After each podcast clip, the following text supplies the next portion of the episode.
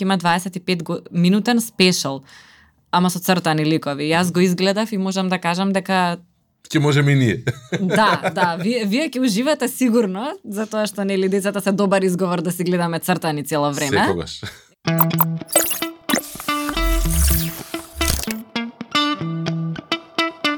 Јас започнувам обично со добро вечер, затоа што а, веќе сум досаден, ама као некаков трейдмарк доаѓа тоа, затоа што најчесто луѓето не слушаат на вечер. Стануваме се подолги и подолги во нашиот комкаст. Ова е 91 епизода и на моја особено задоволство, а, гостите кои што беа меѓу првите во овој нов серијал повикани да бидат присутни тука, ама чека, чека, чека да се создаде правиот момент. И денес ќе имаме во Комкаст на гости Јована од светот на Биби. Така е. Здраво и добро вечер и од мене. Мило ми е дека и мене ми ова меѓу првите представувања од светот на Биби е, вака опуштено во вашиот комкаст и се надевам дека ќе им биде интересно на тие што ќе нас слушаат, па и на тие што ќе не гледаат. Да. А, на многумина кои што може ќе ти го препознаат гласот или ликот и свечно ќе им дојде онака може би мал шок, мало изненадување, прв official. Затоа се избрендирав за секој случај. А, Јована ја знаеме од телевизија, сме ја гледале на телевизија многу често, сме ја слушале на разно разни реклами и слично. А, сега прв пат со нов предизвик влегува во тимот, односно влезе, ти влезе во тимот на светот на Биби. Да. Ајде малку личната приказна, како се одлучи да влезе во приказката и како ти се чинат овие први неколку недели таму. Па, во светот на Биби не влего во тимот, туку влего во светот на Биби затоа што тоа е веројатно единствен начин да се комуницира нешто за деца, мора да да станеш одеднаш дете и ти. А, Ми изгледа одлично, за жал нели поради пандемијата многу голем дел од тимот работи од дома, меѓутоа кога и да се слушнам со без разлика дали се работи со актерите или со, не знам, тимот кој што работи графички дизајн и дизајнерите, сите се, или со пишувачите, сите се некако возбудени за што ќе се прави следно, што ме тера да верувам дека после две години ова и понатаму ќе биде успешна приказна и мене ми е супер. Мислам, Да, а, колку... личи ме малку. Аха, да, се препознаваш. да. Значи, за очекување во, во следните неколку недели или месеци, кога ќе дознаат луѓето дека сега си дел од светот на Биби, да ми кажат, а ти си Биби, по тебе е направена Биби. Не. Плави очи има. Да. Сепак. А, кратко време си таму, меѓутоа, јас сепак а, им дадов задача... Сини, пардон, морам да се поправам бидејќи Биби би ме искарала за за плави или сини, таа е многу посветена на македонскиот јазик. Дали ова значи дека треба јас да внимавам коректно да се изразувам во текот на овој А не конкурс? сега тука Биби, ако дојде, ќе не искара. Добро, среќа што во оваа црвено торбич овде нема Биби, тоа знам Не. сигурно, така да окей сме. А, кратко време си таму, да, меѓутоа јас разговарав и со некои другите луѓе кои што се виновници Значи, за за оваа приказка и рекоа дека не се секирај, ќе ја спремиме ние добро. А, ајде, раскажи ни за почетоците на Биби. Значи, малку да, да трнеме од тој момент. Сите ја знаеме, предпоставувам, дури оние кои што немаат деца, влегле на еден или друг начин во, во светот на Биби.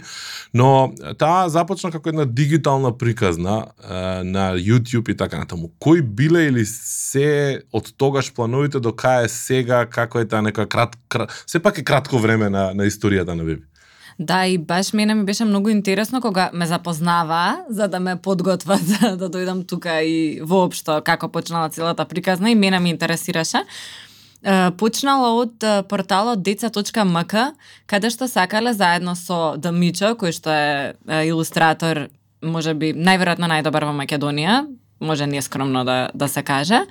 Um, и тој ја нацртал Биби како заштитно лице на сајтот. И потоа многу им се допаднала на сите, па од таму се случиле оние цртани, ја учиме азбуката со Биби, па виделе колку реално на децата им треба македонски цртан, нешто што го нема и поради тоа многу често се соочуваме со тоа децата да не зборуваат македонски јазик воопшто.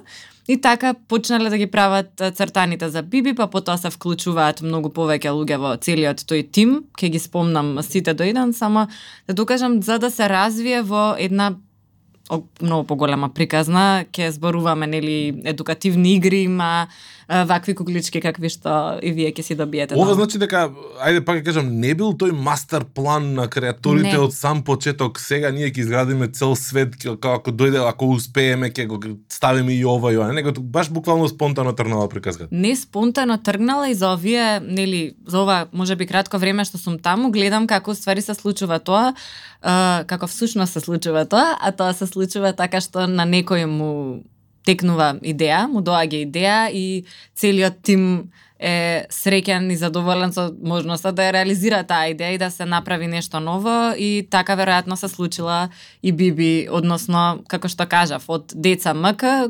лого, па нешто многу поголема Е сега, втората работа која што веројатно ја прави Биби многу успешна е тимот, затоа што, како што кажав, да Мичо е илустраторот, меѓутоа Билјана Црвенковска ги пишува и сликовниците и сите сценарија за светот на Биби, па заедно со соработка со целиот тим тие стануваат тоа што се. Актерите се Слагјана Војошевиќ, Сашко Коцев и Сашка Димитровска, ултра познати актери кај нас и квалитетни, не се само познати, е, туку тоа се можеби и меѓу најдобрите актери во Македонија и затоа и тоа се звучи така убаво и јако изгледа детски, затоа што е за децата, сепак е многу вложено во тоа и секако режисера Гоца Цветановски. Ако А- некого заборавив, му се извинувам. Ама мислам дека не. Ќе пишеме на одјавната шпица. Да. А, екипата што стои за деца МК, стои истата екипа за факултети.мк и уште неколку други онлайн проекти. И јас сум длабоко убеден и знам, предпоставам дека многу добро го познаваат онлайн светот. Да. Меѓутоа, BBA и Деца МК е комплетно нов свет, нова целна публика, значи нов начин на однесување. Прво е нов канал, односно YouTube како примерен канал а, на кој што се комуницира. А, кои се од сегашна перспектива или ретроспективно гледано предизвиците и карактеристиките да се работи на YouTube, значи производот доминантно, оригинално да го пласираш на, на YouTube за деца. Така, прво, децата се многу искрена публика. Секаде, без разлика дали е тоа на телевизија или на YouTube, или им се допаѓаш или не им се допаѓаш, па така и тие мини фокус групи се правени со деца уште кога е граден ликот на Биби, не знам, како да биде облечена, па кој глас најмногу ви се допаѓа, така и тие самите го бираат гласот на на Биби и автоматски потоа е логично и на другите деца да им се допадне. Не е нешто што може би Значи, баш е тестирана на таа фокус група која што понатаму. Ја гледа и стануваат нејзини фанови децата и така натаму, меѓутоа втората група дефинитивно би била родителите затоа што веројатно еве и вие дома знаете дека се работи за сепак едукативни содржини, односно секоја една а, секој едно видео, на крај завршува со некаква поука, па така ние сакаме да веруваме дека им помагаме на родителите во воспитувањето, па и оние друштвени игри кои што се од светот на Биби и играчките и картите со предизвици, е, например, сите тие помагаат е, во насока на воспитување на децата и во насока на едукација на децата, На пример, ако не сака детето некоја храна, има предизвик, ајде пробај една храна што не ја сакаш. Што е нешто со кое што често се борат родителите и така да двете групи э, и децата и родителите гледаме да да бидат э, задоволни односно да нема она чувство на гилти на вина кога ќе им пуштите цртани на децата, туку напротив да знаете дека нешто добро ќе научат и дека Биби, затоа што и таа самата чита, ќе ги врати децата над книга. А, како стоиме со бројки? Значи, ајде, YouTube е примерен канал, имаме, имате некаков, да речеме, репер сега веќе стекнато, ова е добро ниво на гледаност, ова се окей бројки, оваа статистика ни е многу побитна него таа статистика, во смисол на, може би, должина на гледање, може би нови гледачи, може би земји, уреди и така натаму. Пошто пак тука има некаква доза на одговорност. Значи, знам дека и во апликацијата има некакви ограничувања за време поминато или нешто така, Има мобилната доста. и така натаму. Има доста ограничувања од страна на YouTube Kids. Тоа е каналот на кој што, нели, мораме да се приклучиме ако правиме нешто за деца. Значи, содржината на каналот на Биби е за а, деца, селектирана наменета за деца. И тоа ви скратува еден куп од другите стандардни, да речеме, опции што ги имате. Да, ама е одговорно. Мислам, тоа е одговорната работа да се направи, а од друга страна и YouTube и да не го направиш тоа, ќе најде начин да те да те сврси таму каде што припаѓаш. Uh, значи, статистиките, што може и сите да ги видат, над 23 милиони прегледи има на светот на Биби, веќе децата многу добро ја знаат и родителите. Друго, например, едно од првите видео азбуката на Биби се уште многу се гледа, има 2,8 милиони само тоа видео што за македонски производ е многу, нели во светов слушаме е, различни бројки, меѓутоа за нешто што се прикажува во Македонија кај нашите деца е на вистина голема бројка, а она што не, каде што не ограничува е, на пример, не можеме да им се рекламираме ние на децата, не може да праќаме нотификации до нашите subscribers и така натаму, ама ни се докажа дека децата си наоѓаат како да ја најдат биби и не само децата и родителите, па така немаме некој проблем во однос на тоа. Сега ми има мене совршена логика зошто правите кратко видео со најава за тоа што следи понатаму, затоа што нема сабскрајбер, нема нотификации, да. па си купувате време за да луѓето се подготват и да очекуваат нова долга приказна со да. тизерот за за кратката приказка. Па мини тизери се секогаш интересни, не знам, мене и за филмовите ми се интересни и за новата епизода на некое шоу, така што во таа насока се прави за биби се привлекуваат и на тој начин, меѓутоа најмногу си доаѓаат така органски, не знам, од самото тоа што веќе знаат биби, добрата основа практично ги ги тера дечињата повторно да стиснат на следното видео со биби. Чисто само да потврдам, иако мислам дека дека е прилично едноставно и јасно. А, на канал за деца, на содржина наменета за деца, да? нема опција да вие правите монетизација директна а, на прегледите, така на YouTube. Па не. Не во тој во, во таа насока, меѓутоа преку YouTube правам преку реклами кои што се покажуваат на вашите видеа. Значи YouTube да ги покажува на реклам, на вашите видеа. Не, има многу ограничувања во во таа насока. Ние практично и тоа не е изворот на средства како се нели како се прави овој проект одржлив.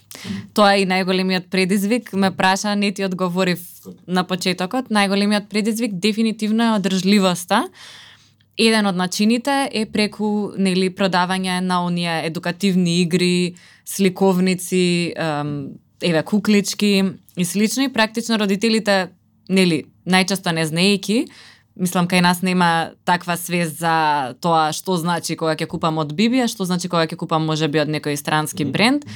Практично кога ќе ги купат овие производи, тие вложуваат во следниот цртан и во тоа да ние можеме да ствараме следни цртани бидејќи тоа ми го спомна уште на почетокот дека кога го направиле првиот цртан сватиле зашто нема цртани на македонски, а тоа е затоа што е многу скап производ и тешко одржлив сам по себе. Значи најчесто тоа се некои краткорочни е, проекти кои што нели се добиваат средства, се прават одреден број на на цртани и тука завршува, ние сакаме биби да трае. А, добро, меѓутоа помина прилично долго време од појавата на првиот цртан Биби до појавата на првиот производ кој што нели реално можеше да се купи со Биби. Мислам дека да. тоа беше некоја сликовница или буквар или нешто слично. Не беше буквар. Не беше буквар од до прва следува. Да, да, да, да. Не беше буквар, него беше некој од приказните на на да, Биби. Значи да. се појава приказните.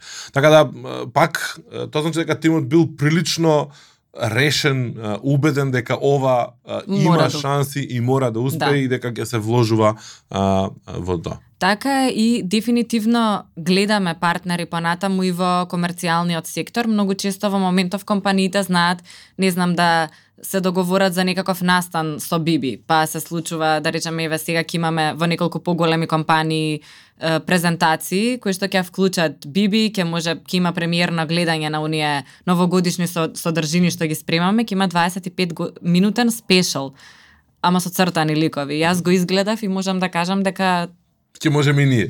да, да, вие вие ќе уживате сигурно, затоа што нели децата се добар изговор да си гледаме цртани цело време. Секогаш.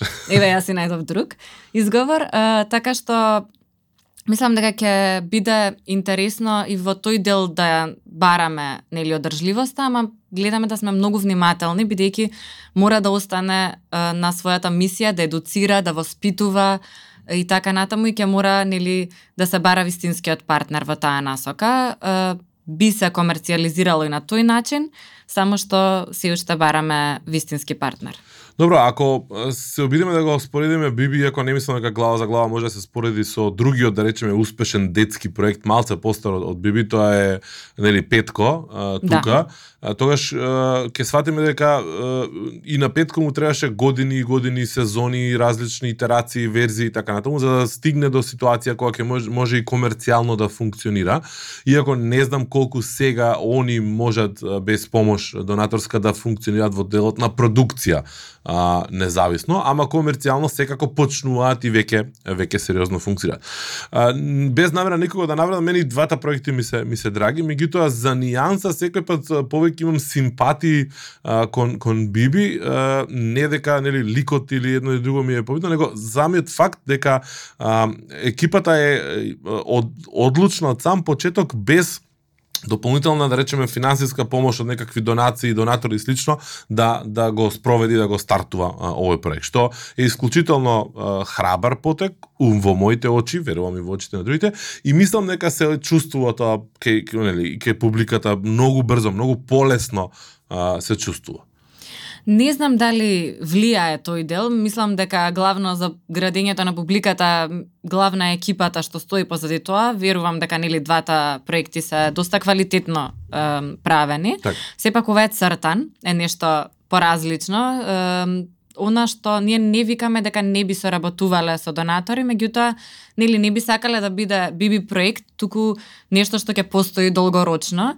Е, исто така многу едукативни сегменти има покрај цртанот Биби, нели како што ги кажав веќе едукативните игри. Е, тука и плат, платформата, сега не знам дали ја, ја видовте едукација.светот на bibi.mk, каде што може да се регистрираат е, луѓе, главно родители, за да ги гледаат премиерно содржините, а понатаму таму ќе има и доста едукативни содржини и за таа платформа конкретно имаме поддршка од Фондот за иновација и технолошки развој. Така што ние сме отворени за соработка со компании, како што кажав, е, и предходно, или за соработка со донатори, меѓутоа тоа да биде во рамки на, на една поголема приказна што ќе си трае и главни донатори се тие што ги купуваат играчките. Супер. А, значи, светот на Биби е малте недостапен во ајде да пробам да ги знам, значи достапен е на YouTube.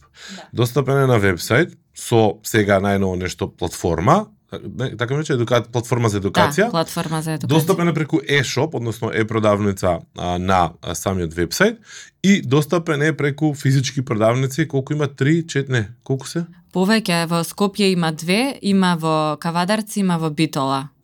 Супер. Сега, мислам дека не заборавив некоја четири, а се надеваме дека многу брго и низ другите градови. Значи, има една, да речеме, плетора на канали, не, не е важно. Да. А, а, како оди комбинацијата тука? Значи, каков е соодносот, каков е балансот? А, кои се исплатат повеќе? Дали кога решивте да се појави да се појави Биби во физичка продавница имаше некаков она као аплифт, некаков по, нагло зголемување на присуството? Дали тоа се одреди можеби на гледање на видеата или обратно а, да некако се преточуваат тие еден во друг канал. Е продавница, физичка продавница, YouTube видеа и така натаму.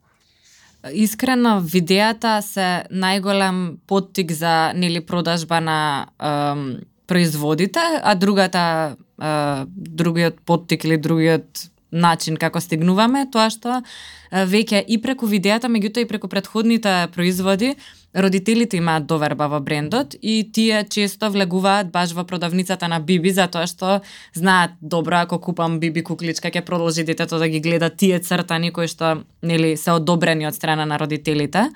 И а, мислам дека така некако е комбинација од двете главна ни е довербата кај сите што гледаат, и кај дечињата за да го сакаат цртанот, меѓутоа и кај родителите за да ја разберат важноста што и понатаму продолжува. Еве букварот баш е, го спомна, букварот ќе биде можност за родителите кои ќе го купат децата да сакаат да ја научат азбуката, да ги научат песничките, да ги играат игрите, пошто бидејќи на секоја страница ќе гледаат Биби, ќе го гледаат Боби, ќе ги гледаат за злучињата, на пример, и ќе сакаат потоа и да одат во училишта затоа што Биби го покажува училиштето како нешто што е добро си, е, сите сегменти прават една поголема приказна, е, како што кажа, е, едно е е продавницата, физичките продавници, YouTube каналите и тука е Бибиверзумот.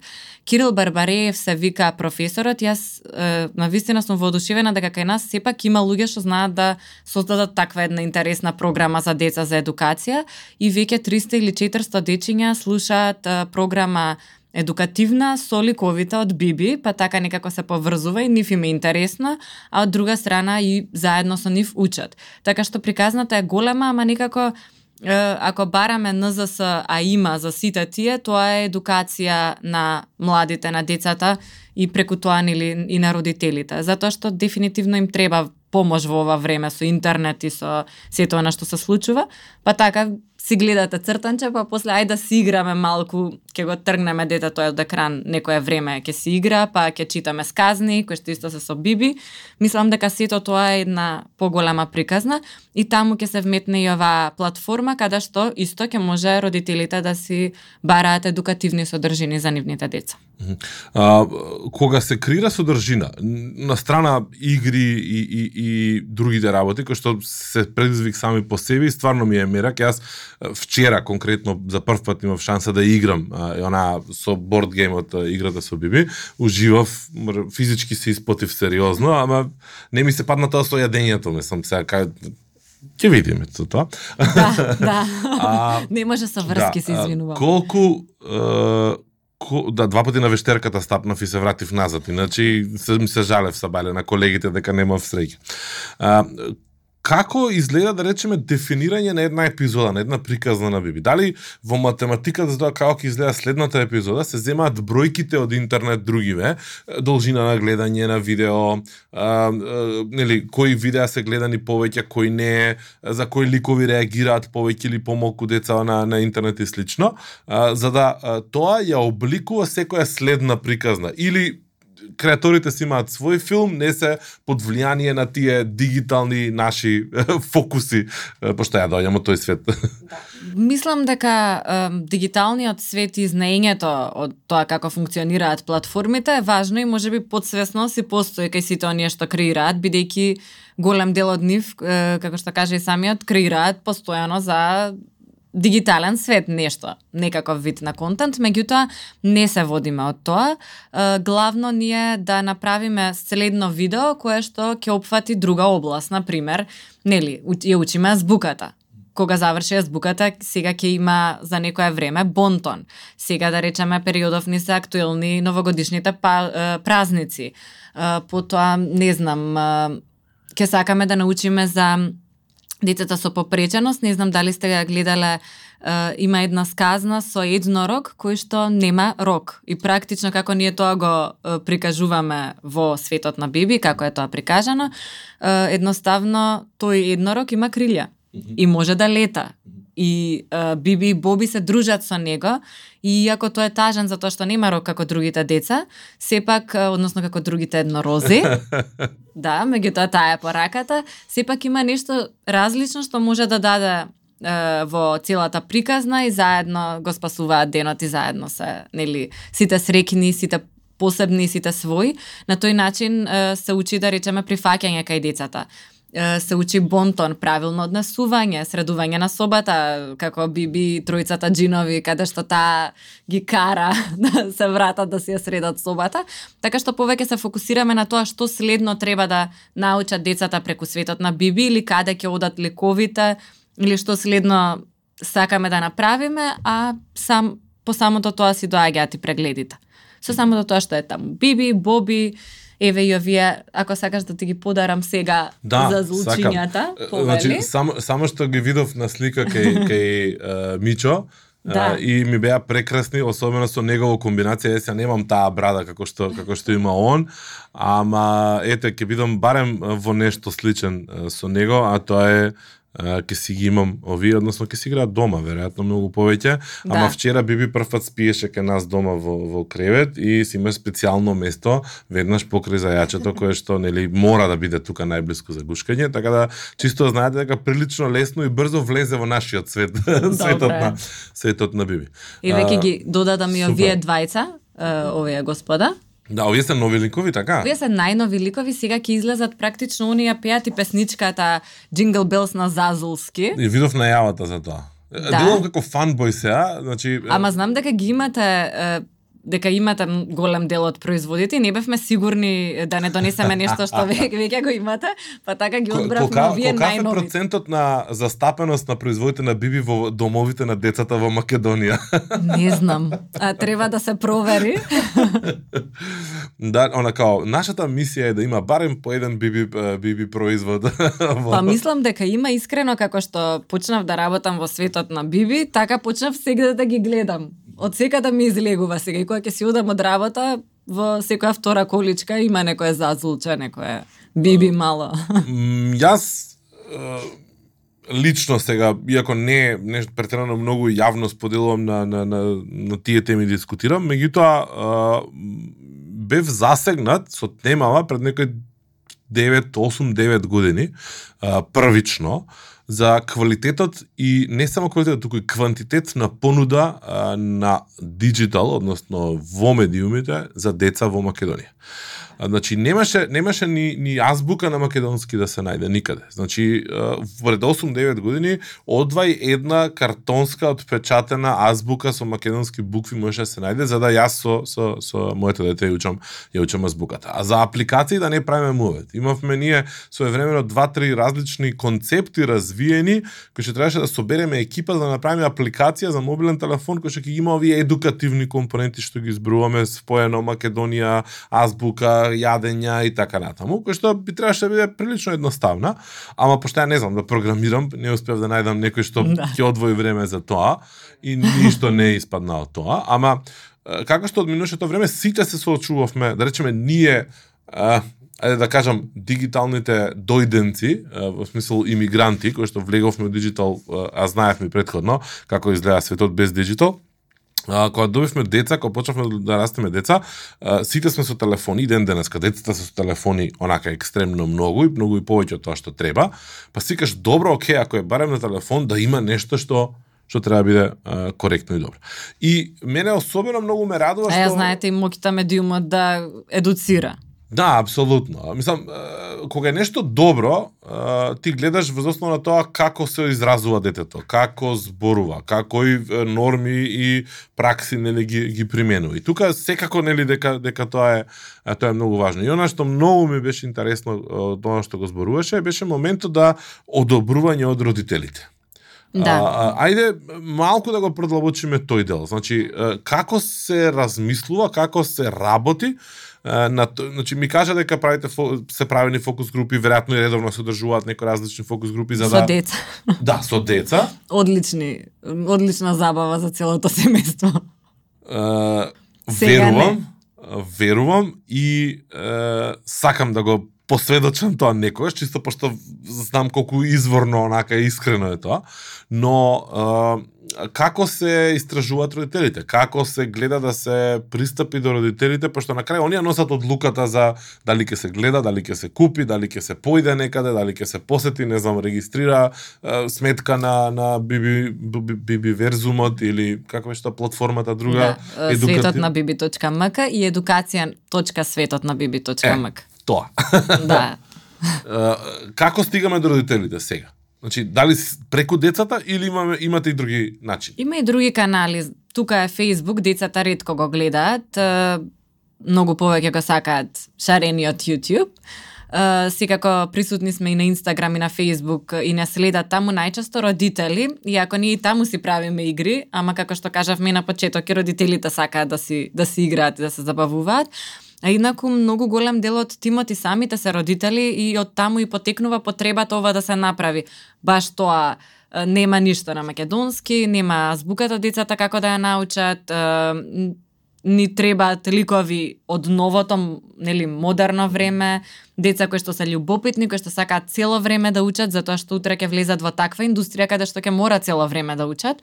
И на тој начин е создаван ликот. Лесно е да се добие довербата на родителите, затоа што горе-долу најголем дел од новите родители се соочуваат, особено во Македонија, па и во регионот со слични проблеми, и затоа планираме и да се прошириме, да не биде само опфатена Македонија, туку е, има еден веќе цртани на албански со е, актери од Македонија кои се албанци. Со Америс и Дритон е, ги читаат. Каде се емитува тоа? Исто на YouTube? Исто ќе оди на YouTube. А, и... Ке оди, значи уште не е пуштен. Мислам дека е пуштен цртанот, меѓутоа не сме направиле доволна онака промоција, поврзување и слична и ќе имаме едно и на српски јазик, така што ќе ги опфатиме и тие пазари. Мислам дека во регионов на вистина имаме сите родители имаат слични проблеми и кога ќе видат дека Биби им помага во решението, ја имаме довербата и гледаме да не ги изневериме нормално. Тоа е долгорочен процес. Не завршува со следниот цртан. А, имам уште две, три прашања ми се чини за да, за да, за да го заокружам муабетот, се надевам. Ако иако давам јас- кратки одговори, да. Па, ќе ти сигнализирам.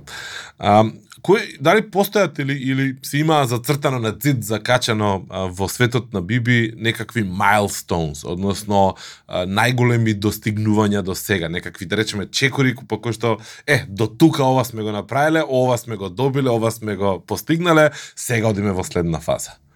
Нема такво нешто. Во светот на Биби има игри и вакви различни куклички секаде. Што го прават. Ама, веќе имаат некои е, многу убави работи постигнато уште пред јас да отидам таму. За жал се случи пандемијата, па тоа не може баш онака да се искористи да му се извади маста како што може би ние би сакале. Меѓутоа во Лил, токму за анимирани цртани програма за деца, прво место освои Лила во Франција и е одличен медиумски фестивал каде што се представија и понатаму во Финска има представување на сите содржини. Интересно е дека дури некои од најголемите стриминг платформи им дале максимум бодови за она што го работат, значи веќе се препознава проектов и надвор од Македонија и име јасно на луѓето дека се прави со екипа како што треба.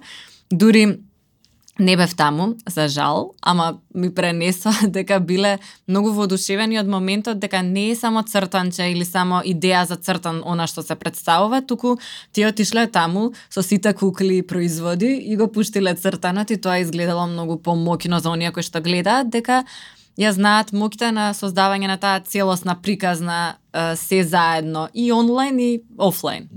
Обично сме научени да ваков цел пакет ни доаѓа од нели големите издавачки куќи како Дизни, и слични Hasbro и така натаму. Па ако ќе видиме нешто што е нели нестандардно, односно не од тие големи Дизни светови, сме воодушевени или или вчудени. Мене прв таков да речеме свет детски кој што беше надворот од, тој Дизни, односно западен свет, ми беше покојо. Цртанот, не знам дали го знаеш или си го гледал, тоа е шпански цртан, ја го засакав од британската верзија кај што Стивен Фрај е нараторот и ми е лудница и ги моравме да ги имаме сите кукли дома од покоја, мислам на свое времено и игри и чуда врагови, така да баш е таков едноставен, добар, едукативен, али али одличен, одличен цета. А, добро. Едноставен за гледање, а позади сигурно имало исто како и тука еден цел тим што се труди да ги анимира децата и да им биде едноставно интересно да разберат и да научат. Мене тоа ми е најинтересно, дека константно расте тимот, доаѓаат нови луѓе, еве, меѓу другите и јас, ама доаѓаат и многу нови членови во техничкиот тим, константно се подобрува анимацијата, се подобрува и тој дел, дизајнот и така натаму, што ми се допаѓа, пошто мора да се расте, децата се менуваат. Не пошто, бидејќи, се извинувам, јас сум ја мислам дека до сега опфативме малте не се што имав запишано дека сакам да дискутирам и ми остана едно прашање а, кое што верувам дека до сега најмалце десетина пати ми го одговори, ама пак морам да го издвојам за крај еднаш, и да. ќе го повториме онака јасно и гласно. Значи, Добра. а, кои се најголемите задоволства да се работи во светот за светот на Биби? Хм, за, за мене и за сите мислам дека е секоја нова бајка, секој нов проект е огромно задоволство кога ќе се видат срекните деца, она што го кажав, дека си играат еве со куклички од светот на Биби, нели прегледите како растат и како децата учат преку цртанот и исто така кога ќе ги слушнеме децата како зборуваат македонски како Биби, па некогаш ги караат возрасните и ги подучуваат, ајде така да се изразам, дека овој збор не е вака, како како што прави Биби во самите цртани, дека децата растат во едни попаметни генерации заради тоа што постои е, Биби, поради тоа што постои Биби, поради ваквите содржини се надевам дека ќе ги има што повеќе, а меѓу другото и дека ние ќе создадеме многу повеќе во иднина. Заедно. Супер. А, јас само да заклучам уште еднаш. А, верувам, не може да и ќе сгрешам, ама дека ова е прв пат да од дигитална содржина ние е, извлечеме, односно на нашиот пазар се извлече еден цел не можам да го кажам традиционален, пошто е далеко од традиционален бизнис, не постои долга традиција на содрж... создавање содржина за деца во држава, меѓутоа од едно од еден наивен, не баш така наивен YouTube канал и цртан, а, да се стигне до моментот да се нели размислува толку големо и толку широко и со продавници, и со луѓе нели а, вклучени, а, огромна екипа стои стои за сето ова. А тек што доаѓа?